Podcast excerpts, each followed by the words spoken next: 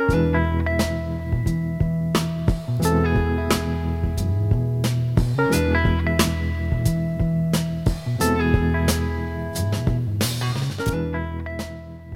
Music Lovers och välkomna till ännu ett avsnitt av Hits och historiepodden med mig, Daniel Brunskog. Idag är det dags för avsnitt 22 och vi ska den här gången ta oss tillbaka så långt som jag hade tänkt mig i den här poddserien, nämligen till 1963. Visst hade vi både Elvis och Beach Boys innan 1963, men 63 var onekligen ett år som i stor utsträckning kom att påverka rock och popmusiken fram till våra dagar. Och då tänker jag främst på att både Dylan och Beatles slog igenom det här året och att Rolling Stones släppte sin första singel.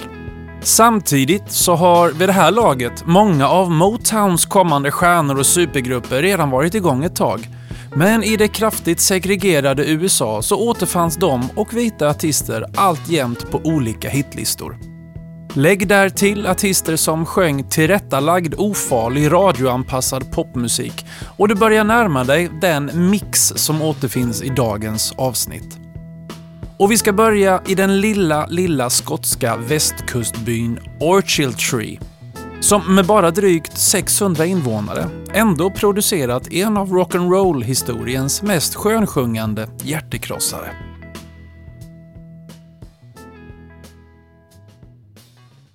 För det var i den lilla byn Orchiltree i Skottland som John Henry Blair föddes i februari 45. Familjen emigrerade till Kanada när John var sex år gammal och några år senare så drabbades Johnny, som så många andra unga, av Elvis när denne slog igenom nationellt 56 genom att vara med i The Ed Sullivan Show. Johnny, som redan sjöng i kyrkokören, började nu även spela gitarr och skriva egna låtar. Han hade numera tagit sin mammas andra makes efternamn Symbol och gick med i rockbandet The Four Teens när han gick i high school. 1959 tyckte hans mamma, som var Johnnys största fan, att hennes 14-årige son var så bra att hon satte honom på en greyhoundbuss till Cleveland, 500 kilometer bort över den kanadensisk-amerikanska gränsen, för att träffa radio-DJn Jack Gale, som dessutom drev det lilla skivbolaget Gallery 11. Gale blev så imponerad av Johnnys egenskrivna låt Always Always att han erbjöd honom ett skivkontrakt. Och Johnny fick dessutom flytta in hos Gale i väntan på att Johnnys familj skulle komma till Cleveland, vilket man gjorde permanent året efter. Efter ett par singelsläpp under 1960 och påföljande turnéer så släppte Johnny i januari 63 det som skulle komma att bli hans största och faktiskt enda riktigt stora hit, Mr Baseman. Symbol, som nu var 18 år gammal, hade skrivit Mr Baseman själv och låten var en hyllning till de många sångare, framförallt i Motown-grupper, som sjöng i ett väldigt lågt basregister. Personen i sången önskar att han kunde sjunga så istället för att pipa i falsett som till exempel Frankie Valli i The Four Seasons. Mr Baseman blev snabbt en hit och gav Johnny i april 63 en plats på legendariska musik och dans-tv-programmet American Bandstand som leddes av Dick Clark. Och framträdandet eleverade Johnny Symbols låt till ännu högre höjder och den pikade på en 16 plats på Billboard Hot 100 och blev en ännu större hit i Europa. Karriären som soloartist pikade där och då Inom bara ett par månader skulle Beatles komma och rita om popkartan och unga välkammade tonårsidoler hamnade i kylan. Som låtskrivare åt andra skulle Symbol skapa sig en karriär, men som artist så var det våren 63 som allt hände.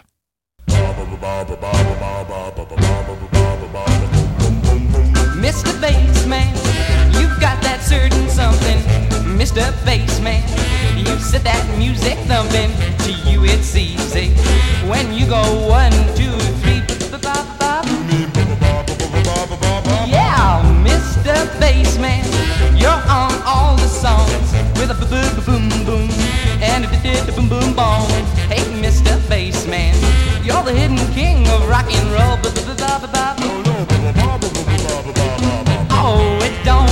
Thing when the lead is singing, or when he goes hi, hi, Hey, Mr. Bassman, I'm asking just one thing.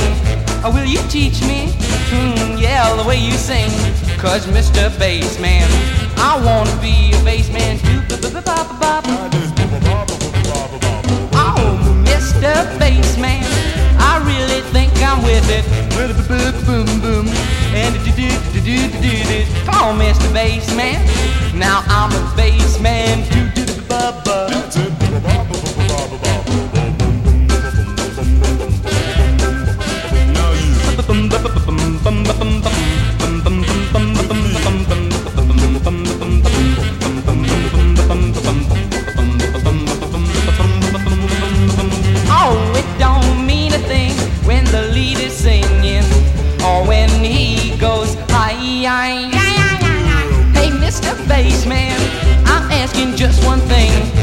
You teach me? Mm, yeah, the way you sing. Cause Mr. Bassman, I wanna be a bassman too. Do the blah blah blah. Yeah, Mr. Bassman, I think I'm really with it. With the boom boom and a boom boom. Come on, Mr. Bassman. Bob Dylan dök upp i den här poddseriens fjärde avsnitt som handlar om 1964, men nu ska vi alltså backa bandet lite till och därmed passa på att ta det hela från början. Bob Dylan föddes som Robert Zimmerman i staden Duluth i Minnesota och växte upp i närliggande Hibbing. När Bob var 8-9 år så började han spela på familjens piano och därefter lärde han sig även att spela munspel och gitarr. Han var medlem i ett flertal band under sin tid i high school, bland annat i The Golden Chords, som framförde låtar av Elvis och Little Richard. 1959 började Robert studera konst på universitetet i Minneapolis och det var i den här vevan som hans intresse för folkmusik började konkurrera ut rockmusiken och han hoppade av studierna efter bara ett år för att helt satsa på musiken. Han hade tidigt märkt att han gillade att använda olika alias när han uppträdde, då detta skapade en frihetskänsla. Innan han testade Bob Dylan så hade han redan marknadsfört sig som artist under namnen Elston Gunn och Robert Allen. Namnet Bob Dylan använde han för första gången den 2 augusti 62 när han skulle sälja in en spelning i Minnesota. Han hade som sagt redan testat Robert Allen som hade blivit Robert Allin och Allin låg lite i munnen på samma sätt som Dylan som man kände till via 1900-talspoeten Dylan Thomas. Han testade Bobby Dylan. Han hade alltid kallats Robert eller Bobby som barn men kände att det redan fanns väldigt många Bobby-musiker, Bobby Darin och Bobby V för att nämna två av de mer kända. Så han valde Bob istället för Bobby. Bob Dylan. Efter att i januari 61 flyttat till New York gjorde han sin första inspelning i en studio, då som munspelare åt Harry Belafonte på låten Midnight Special. Och året därpå gavs hans första egna självbetitlade album ut. Det bestod mestadels av covers och traditionella sånger, men på det andra albumet som kom 63, The Freewheelin' Bob Dylan, hade han skrivit 11 av de 13 låtarna själv. Och jag har valt den som öppnade det albumet, nämligen Blowin' in the Wind. Blowin' in the Wind, ja åtminstone till två tredjedelar, skrevs på 10 minuter en dag i april 62 och framfördes live för första gången bara ett par dagar senare. Lite senare samma sommar så skrev han ytterligare en vers och spelade in studioversionen, men det skulle dröja till sommaren 63 innan Blowin' in the Wind släpptes. Låten blev ingen hit för Dylan själv, men coverversionen med Peter, Paul and Mary, som släpptes bara tre veckor senare, pikade som tvåa på Billboard Hot 100. Och detta var första, men långt ifrån sista gången som en Dylan-låt blev en hit för andra, men inte för upphovsmannen själv. Men det verkar ju ha varit ett mindre problem för Dylan, som ju sedan dess har klarat sig ganska bra ändå. How many roads must a man walk down before you call him a man? How many seas must the white dove sail before she sleeps in the sand? And how many times must the cannonballs fly before they're forever banned? The answer, my friend, is blowing in the wind. The answer is blowing in the wind.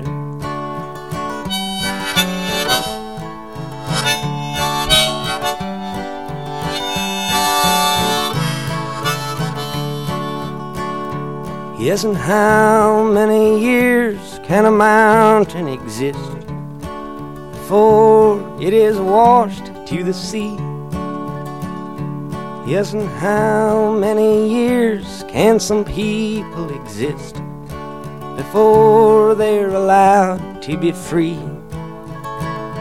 Yes, and how many times can a man turn his head and pretend that he just doesn't see? The answer, my friend, is blowing in the wind. The answer is blowing in the wind.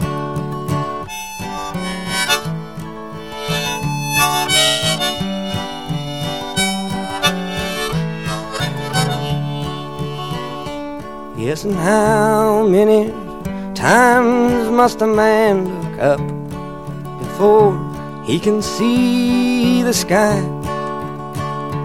Yes, and how many ears must one man have before he can hear people cry? Yes, and how many deaths will it take till he knows that too many people have died? The answer, my friend, is blowing in the wind. The answer is blowing in the wind.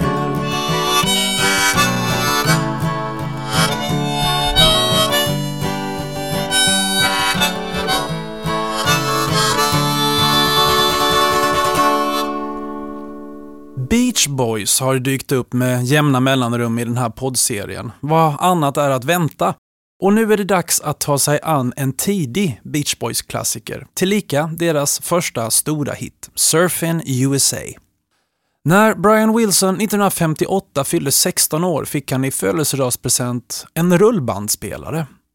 Han hade lyssnat uppmärksamt på harmonierna i sånggruppen The Four Freshmen och efter att ha analyserat några av låtarna skulle Brian nu lära sin mamma och sin 11-årige bror Carl hur man sjunger bakgrundsharmonierna och tillsammans med dem spela in dem så att han själv sen kunde sjunga melodi ovanpå den inspelningen. Brian spelade samtidigt piano och Carl tillsammans med en jämnårig granne, David Marks, spelade gitarr. Snart började Brian dock skriva egna låtar och tillsammans med bröderna Dennis och Carl, grannen David Marks, kusinen Mike Love och skolkamraten Al Jardine bildade man bandet The Pendletones. Dennis var den enda surfaren i gruppen och han föreslog att man skulle skriva en låt som uppmärksammade den sporten och den livsstil som den hade inspirerat till i södra Kalifornien. Brian skrev då låten Surfin och snart, tillsammans med Mike Love, Surfin' Safari. Brians pappa Murray Wilson, som en gång i tiden också hade varit låtskrivare, såg till att Pendletones fick träffa Height Morgan, som Murray tidigare hade jobbat med. Och Morgan blev så imponerad att The Pendletones den 15 september 61 fick spela in en demo av sin låt Surfin'. När singeln släpptes några veckor senare märkte bandet att man helt ovetandes döpts om till The Beach Boys, men herregud, man hade ju fått spela in en singel, så vad spelade namnet för roll? Låten blev en regional hit och nådde 75 platsen på Billboard Hot 100. Nästa surflåt låg redan klar och väntade och i juni 62 släpptes Surfin' Safari som pikade på 14 platsen på Billboardlistan och debutalbumet med samma namn tog sig upp till 32 plats på albumlistan. Nu var Beach Boys verkligen på gång och då har vi kommit fram till den tredje surflåten som kom i mars 63, Surfin' USA. Låten är i grund och botten en omskrivning av Chuck Berrys låt Sweet Little 16 som Brian helt enkelt bara skrev en ny text till. Sweet little 16. Sweet little 16. Just got to have about a half a million a famed autograph. Her wallet filled with pictures, she gets them one by one. Becomes so excited. Detta gjordes dock utan Chuck Berrys godkännande, vilket kanske hade varit lite lättare att få om det inte hade varit för det faktum att Chuck Berry satt i fängelse i St. Louis under närmare två år vid den här tidpunkten. Men när Berry så småningom fick veta att bandet använt låten erhöll han merparten av de royalties låten spelade in på radion och angavs dessutom som medkompositör. Surfing USA släpptes i mars, tre veckor innan albumet med samma namn och låten rusade snabbt upp till tredjeplatsen på Billboard Hot 100 och blev Beach Boys riktigt stora genombrott över hela landet. Och vid årets slut så var det den låt på listan som gjort bäst ifrån sig under hela 1963 sammantaget. Det skulle komma en surflåt till, Surfer Girl, innan Brian Wilson tröttnade på konceptet och gick över till mer musikaliskt komplicerade hitlåtar. Men 1963 tillhörde till stor del Beach Boys och Surfing USA.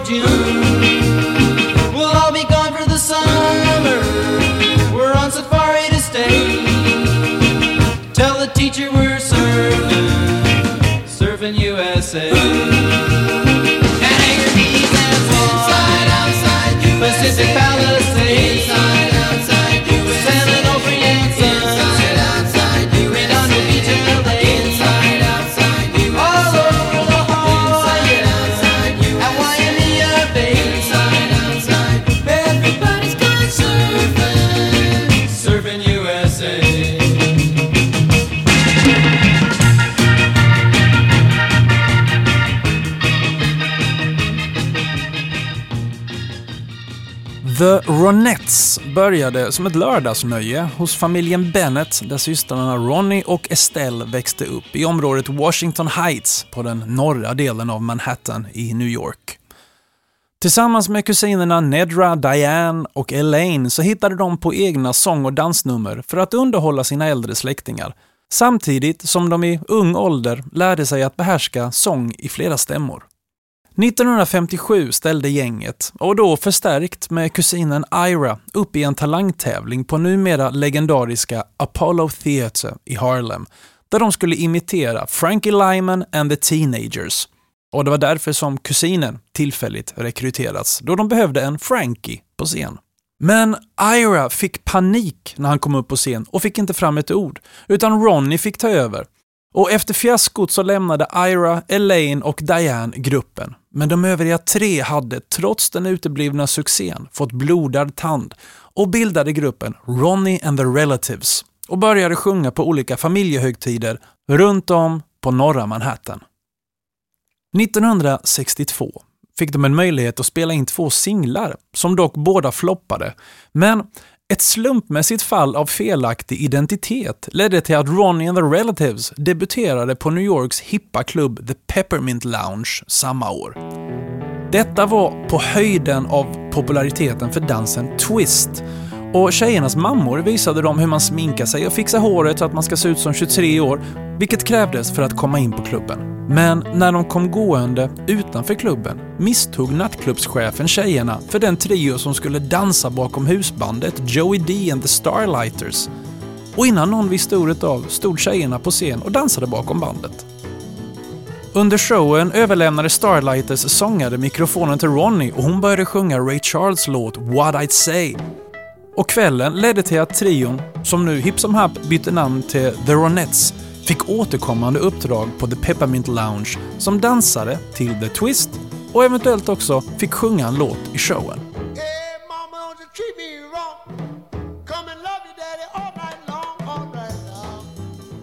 Tidigt 63 gjorde Ronettes så audition för Phil Spector, som var lyrisk efteråt och omedelbart knöt gruppen till sig. Och den första singeln de spelade in, den 5 juli, var den nyskrivna låten Be My Baby.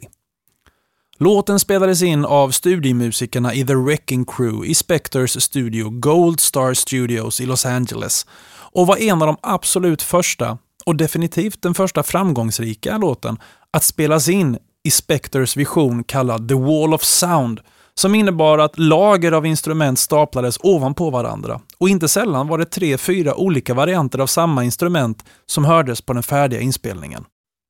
Däremot är Ronnie den enda av tjejerna i Ronettes som faktiskt sjunger på inspelningen.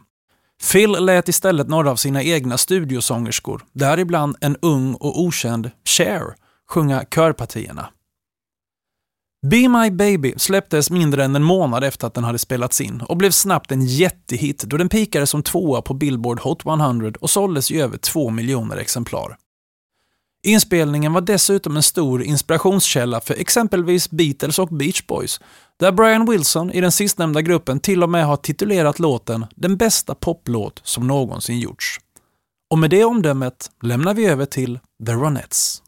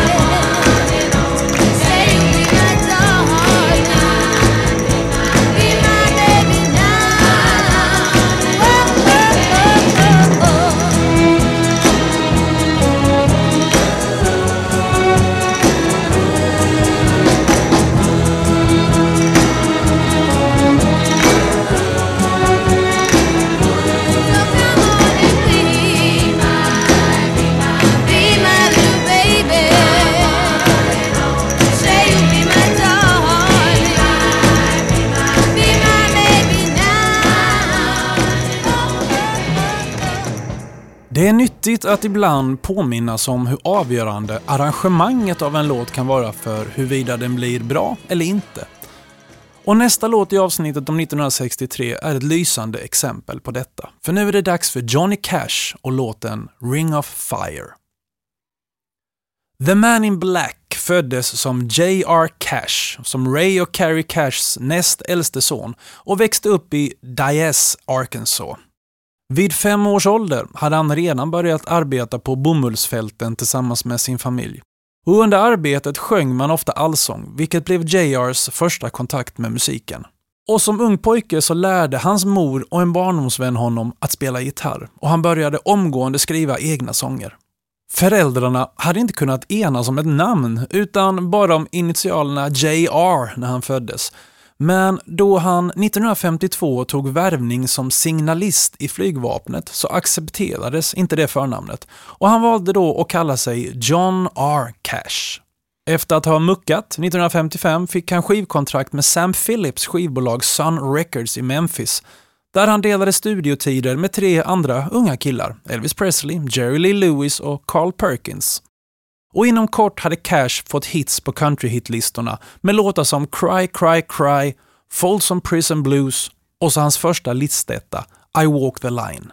Och sen rullade det på. I början av 1963 spelade så Cash in låten Ring of Fire. Låtens ursprung är lite omdebatterat då det finns två helt olika versioner av den historien.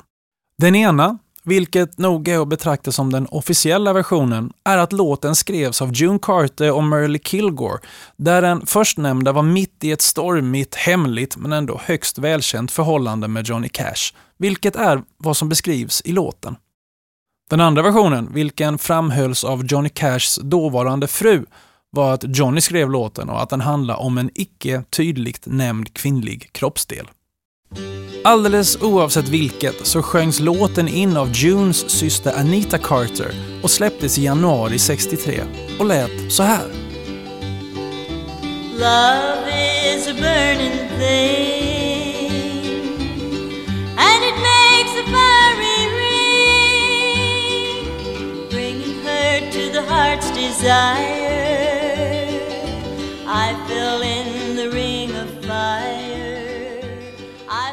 När Johnny fick höra Anitas inspelning så ska han, enligt legenden, följande natt ha drömt ihop ett eget arrangemang av låten där han adderade en mexikansk blåssektion.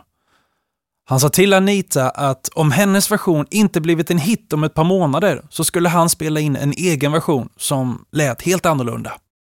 Sagt och gjort, Anitas version floppade, Johnny spelade in sin och släppte den i april 63.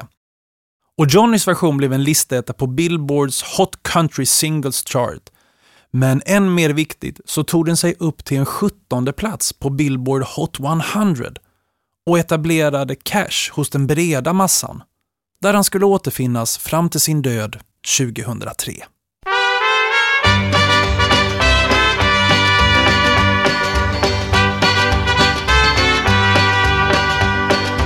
Love is a burning thing, and it makes a fiery ring. Bound by wild desire, I fell into a ring of fire. I fell into a burning ring of fire. I went down, down, down, and the flames went higher. And it burns, burns, burns, the ring of fire, the ring of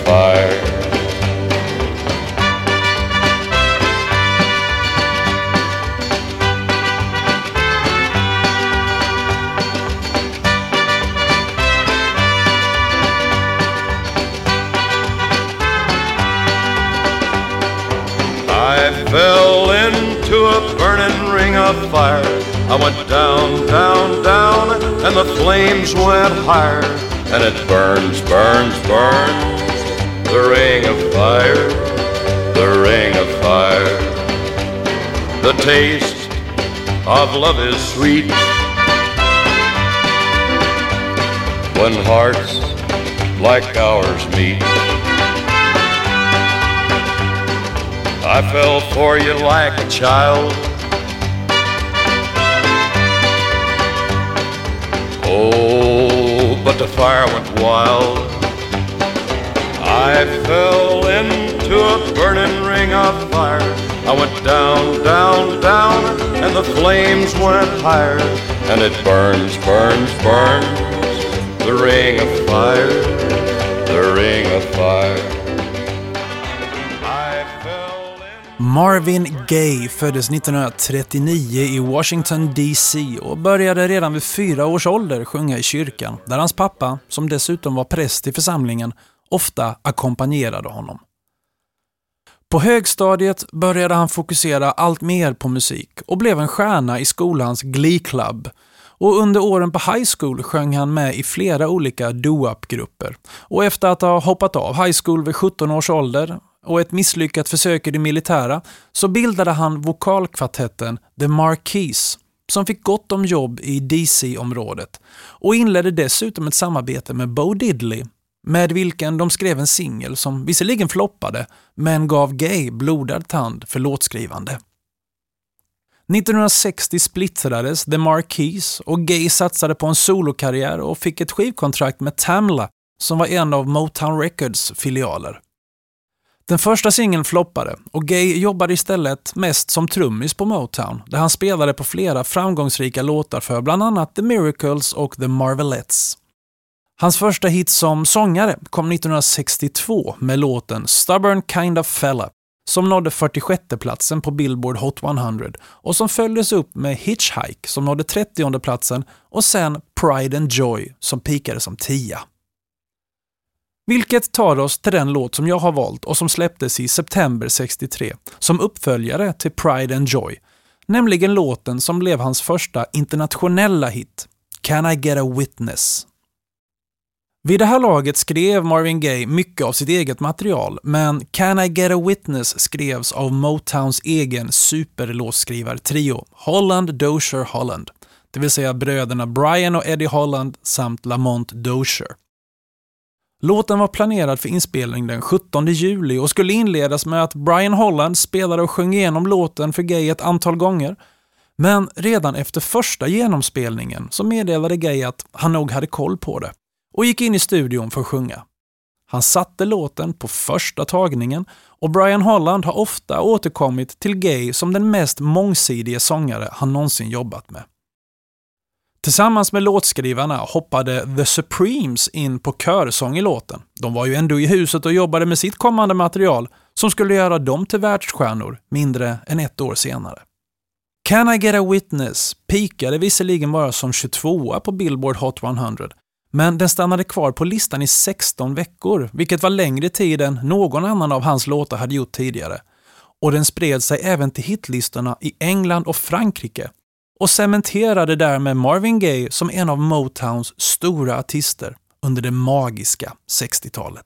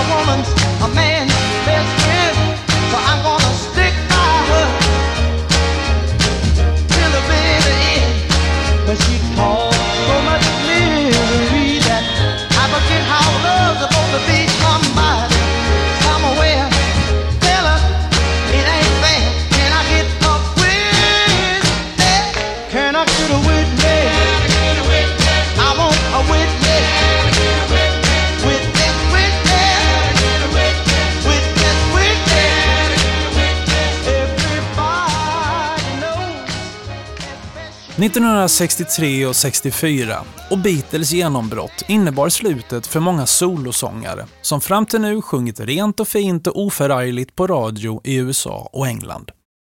Nu vill ju alla spela i rockband och snart var utrymmet litet för artister som exempelvis Johnny Symbol, som vi pratade om i början med Mr Bassman. En annan artist vars karriär också skulle bli svårt lidande av den brittiska rockvågen var Cliff Richard. Men innan de svårare tiderna skulle komma så skulle han få en stor hit sommaren 63 med solskensdoftande Summer Holiday. Cliff Richard föddes som Harry Roger Webb i brittiska Indien 1940 där hans pappa jobbade som cateringentreprenör åt de indiska järnvägarna. Men 1948, efter Indiens självständighet, så flyttade familjen tillbaka till England och slog sig ner i Carshalton, alldeles syd om London.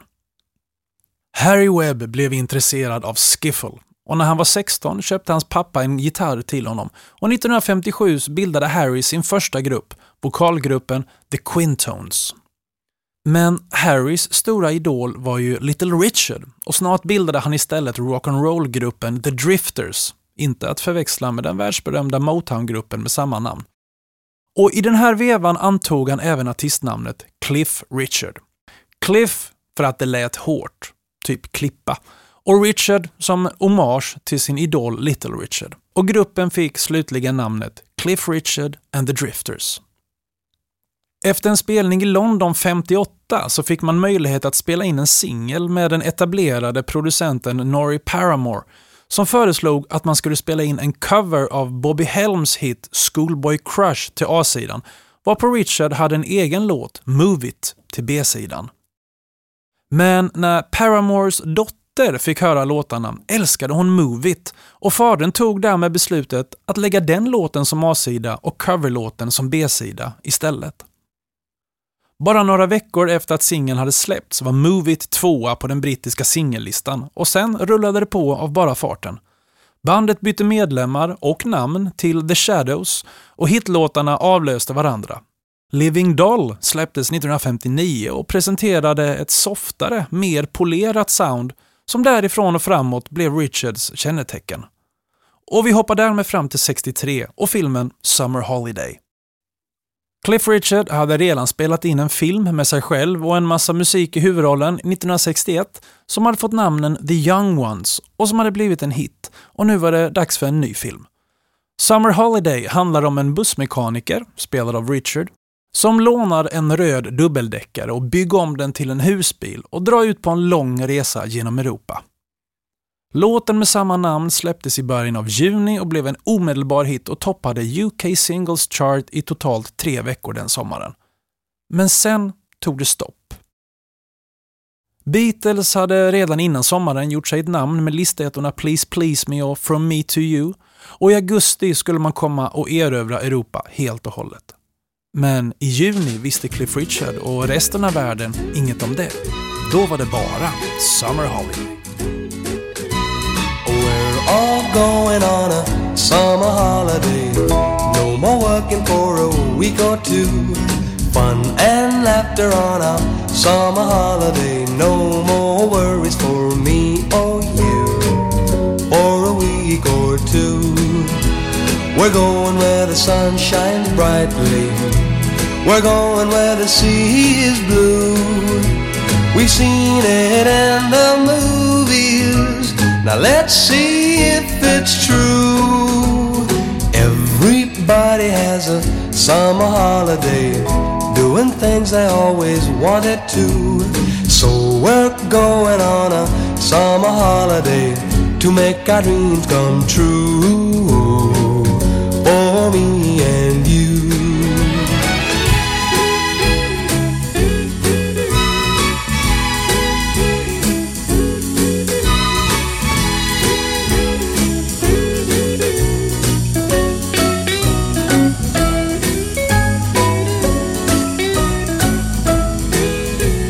We're going where the sun shines brightly. We're going where the sea is blue. We've seen it in the movies. Now let's see if it's true. Everybody has a summer holiday, doing things they always wanted to. So we're going on a summer holiday to make our dreams come true for me and you.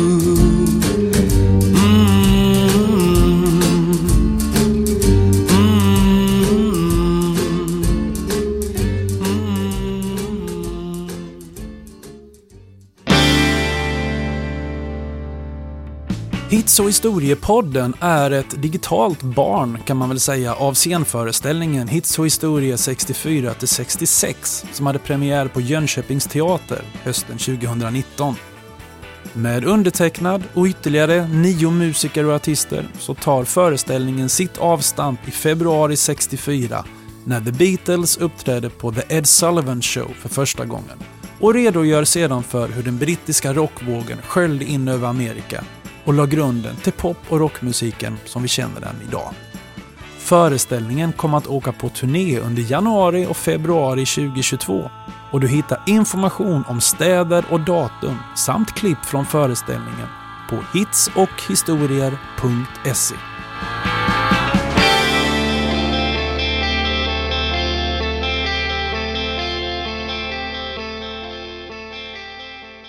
Vi ska stanna kvar ännu en låt hos en artist som fick det kämpigt i och med intåget av rockbanden från de brittiska öarna och efterverkningarna de skapade. Och det är dags, för första gången i den här poddserien, att spela en låt med Elvis Presley. När Elvis fyllde 11 önskade han sig antingen en cykel eller ett gevär. Han fick en gitarr. Under det följande året fick han dessutom gitarrlektioner av sin farbror Wester och Elvis deltog gärna och ofta i sin kyrkas gospelkör. Men att skapa sig en karriär som musiker var inte riktigt något som han vågade hoppas på.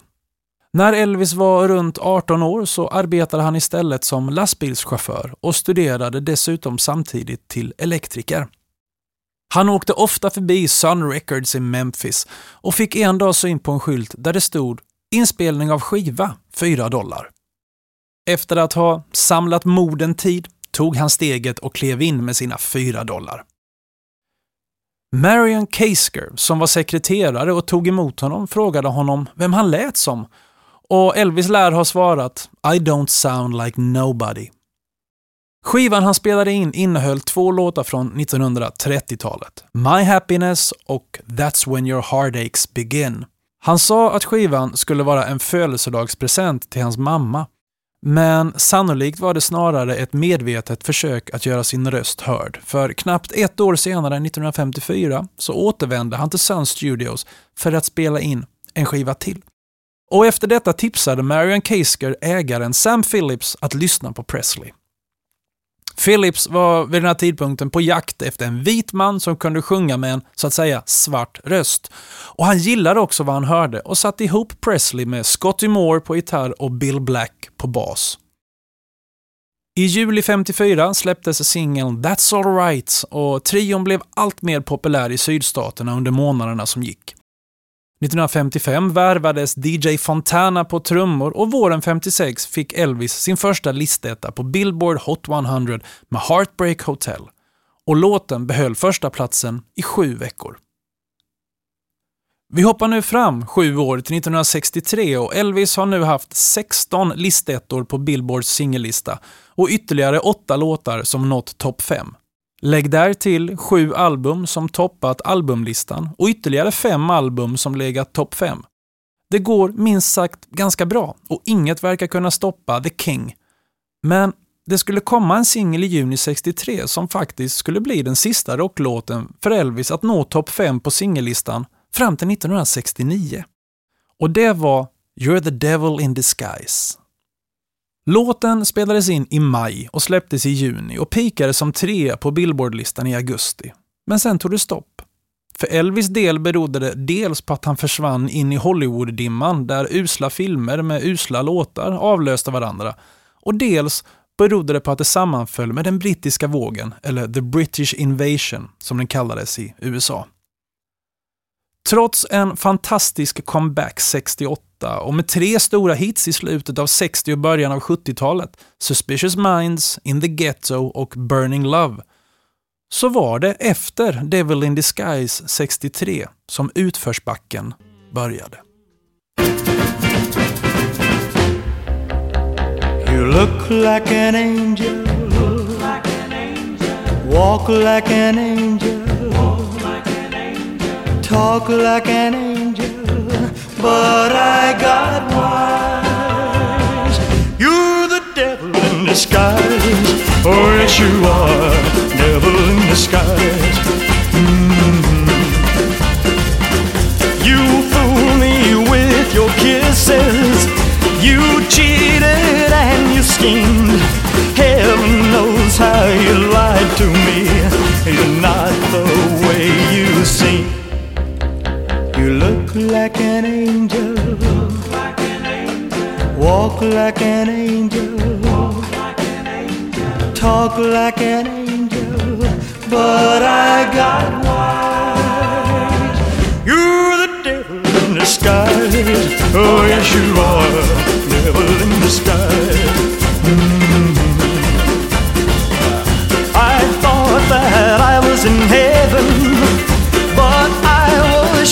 Sure surprised. Heaven help me, I didn't see the devil in your eyes. You look like an angel. Walk like an angel. Talk like an angel. But I got wise. You're the devil in disguise. Oh, yes, you are. Devil in disguise.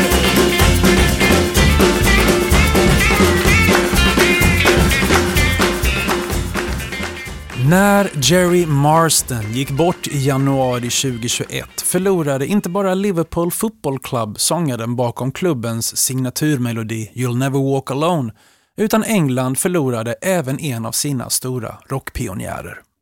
Bandet Jerry and the Pacemakers med 14-årige Jerry Marston i spetsen bildades 1956 och var på många sätt föregångare till Beatles som visserligen skulle komma ikapp och förbi sina lokalkonkurrenter en bit in på 60-talet men som initialt gick i Jerrys fotspår när det gällde att spela på klubbar i Liverpool och Hamburg under det tidiga 60-talet. Och Jerry and the Pacemakers var ett av de band som tillsammans med The Searchers och sångerskan Cilla Black var en stor del av det sound som sedermera kom att kallas för The Mercy Beat, uppkallat efter floden Mercy som rinner genom Liverpool. Efter att managern Brian Epstein hade signat Beatles och det bandet hade spelat in Love Me Do i september 62 på EMI Studios i London, som faktiskt inte fick namnet Abbey Road Studios förrän 85, så gick Epstein på jakt efter fler talangfulla grupper och Jerry and the Pacemakers var den andra gruppen han tog under sina vingar. Och precis som med Beatles så tog han med dem till London, till EMI Studios och producenten George Martin. Och Martin, han hade en låt som han trodde skulle passa bandet perfekt. För redan den 4 september 62, samma dag som Beatles hade spelat in sin egen komponerade debutsingel Love Me Do, så spelade man också in en annan låt som de inte hade skrivit själva utan som hade komponerats av låtskrivaren Mitch Murray och som hette How Do You Do It och som George Martin tyckte hade stor hitpotential. Beatlarna spelade lite halvhjärtat in låten för de hade siktet inställt på att släppa sin egen komponerade Love Me Do, vilket George Martin till slut gick med på. Så när Jerry and the Pacemakers kom till studion för inspelning så låg How Do You Do It och väntade på dem. Singeln släpptes i England i mars 63 och nådde första platsen på singellistan där den stannade i totalt tre veckor och blev den första av tre raka listettor för bandet. Men framgången på hemmaplan lyckades bandet inte få med sig över Atlanten och snart så var man förbisprungna av Beatles, Rolling Stones, The Kinks och The Who för att nämna några. Och Jerry and the Pacemakers pikade redan runt årsskiftet 63-64 medan vännerna från Liverpool fick en helt annan karriär, som vi strax ska återkomma till.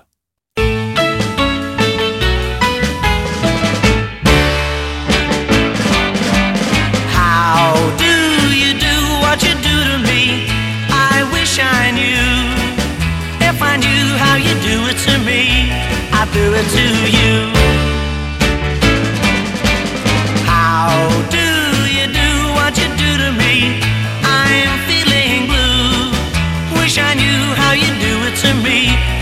haven't a clue.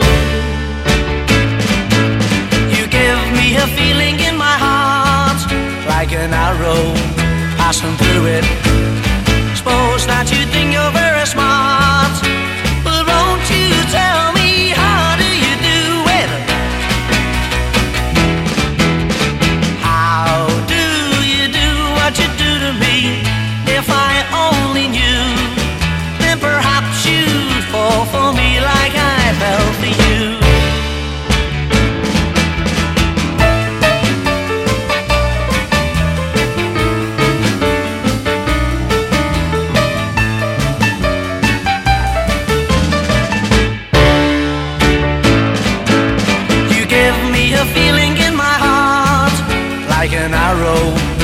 passing through it.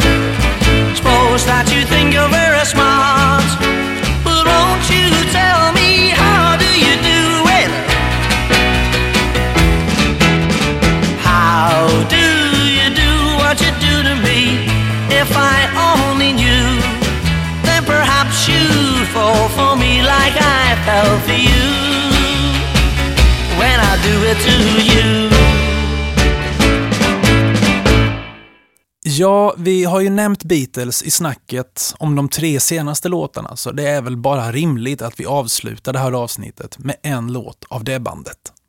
Och det finns ju onekligen ett par att välja bland från det här genombrottsåret 1963. Please Please Me, From Me To You, I Wanna Hold Your Hand, I Saw Her Standing There eller All My Loving för att nämna några. Men jag har valt en låt som blev deras största singelframgång i hemlandet under hela karriären.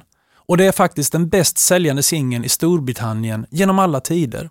Och dessutom så är det den låt där Beatles för första gången tog in influenser från andra musikgenrer och blandade dem med sin egen komponerade rockmusik. Och låten är såklart She Loves You. Efter genombrottet med Love Me Do i England hösten 62 så turnerade Beatles så gott som oavbrutet och tryckte in lite studiotid när tillfälle gavs. Därför är det smått otroligt att man under 1963 hann med att släppa två album och utöver det sju låtar som bara släpptes på singel och inte fanns med på albumen. 10 av de 14 låtarna på debutalbumet Please Please Me spelades in på en dag, den 11 september 62, medan låtarna till uppföljaren With the Beatles spelades in i omgångar under sommaren och hösten 63 när bandet ändå passerade London under sina turnéer. Men för att publiken skulle hållas stimulerad mellan albumsläppen så spelades även en del singlar in. Och det är i det här sammanhanget som She Loves You dyker upp i augusti 63. Låten skrevs den 26 juni av Lennon och McCartney tillsammans, sittande mitt emot varandra med varsin gitarr på ett hotellrum i Newcastle, där de var på ett turnéstopp tillsammans med Jerry and the Pacemakers och Roy Orbison. Idén till låten kommer från flera håll. Dels Bobby Rydells hit Forget Him, som har en så kallad call and response-del i sin låt, där en sångare sjunger något och där kören svarar, vilket Beatles skulle återkomma till flera gånger i början av karriären. Till exempel i It Won't Be Long.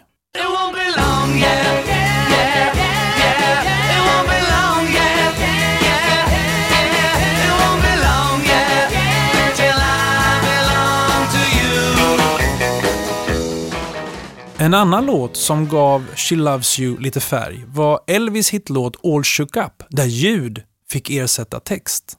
I'm all shook up. Ooh, ooh, yeah, Och en tredje låt var The Eiley Brothers cover av Twist and Shout, där man lånade den här grejen.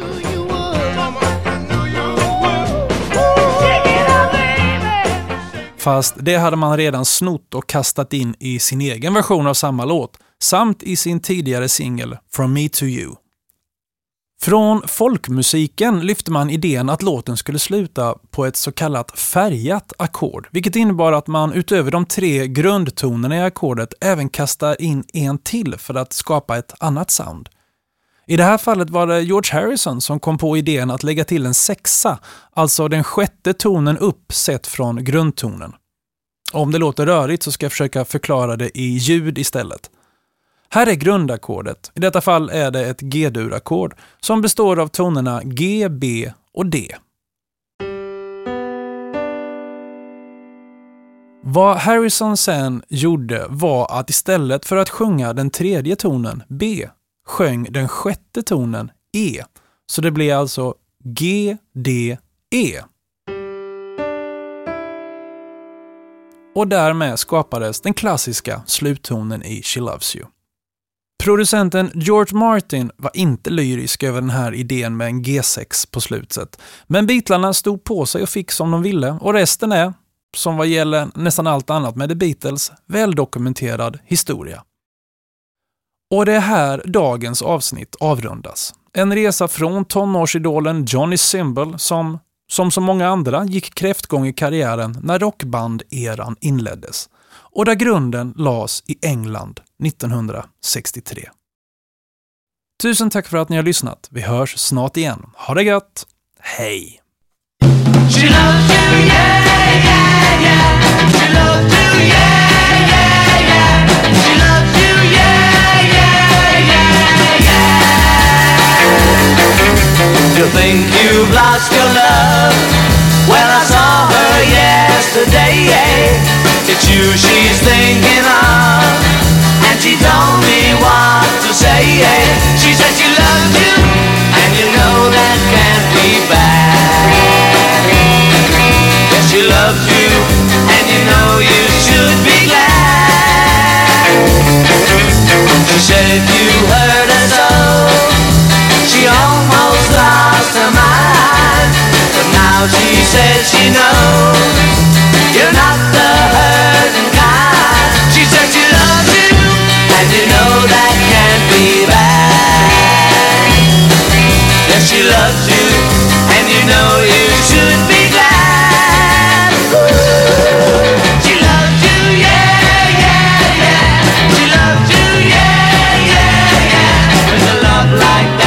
you know you should be glad.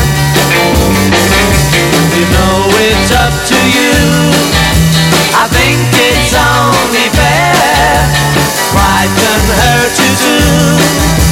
Apologize to her because she loves you, and you know that can't be bad. She loves you,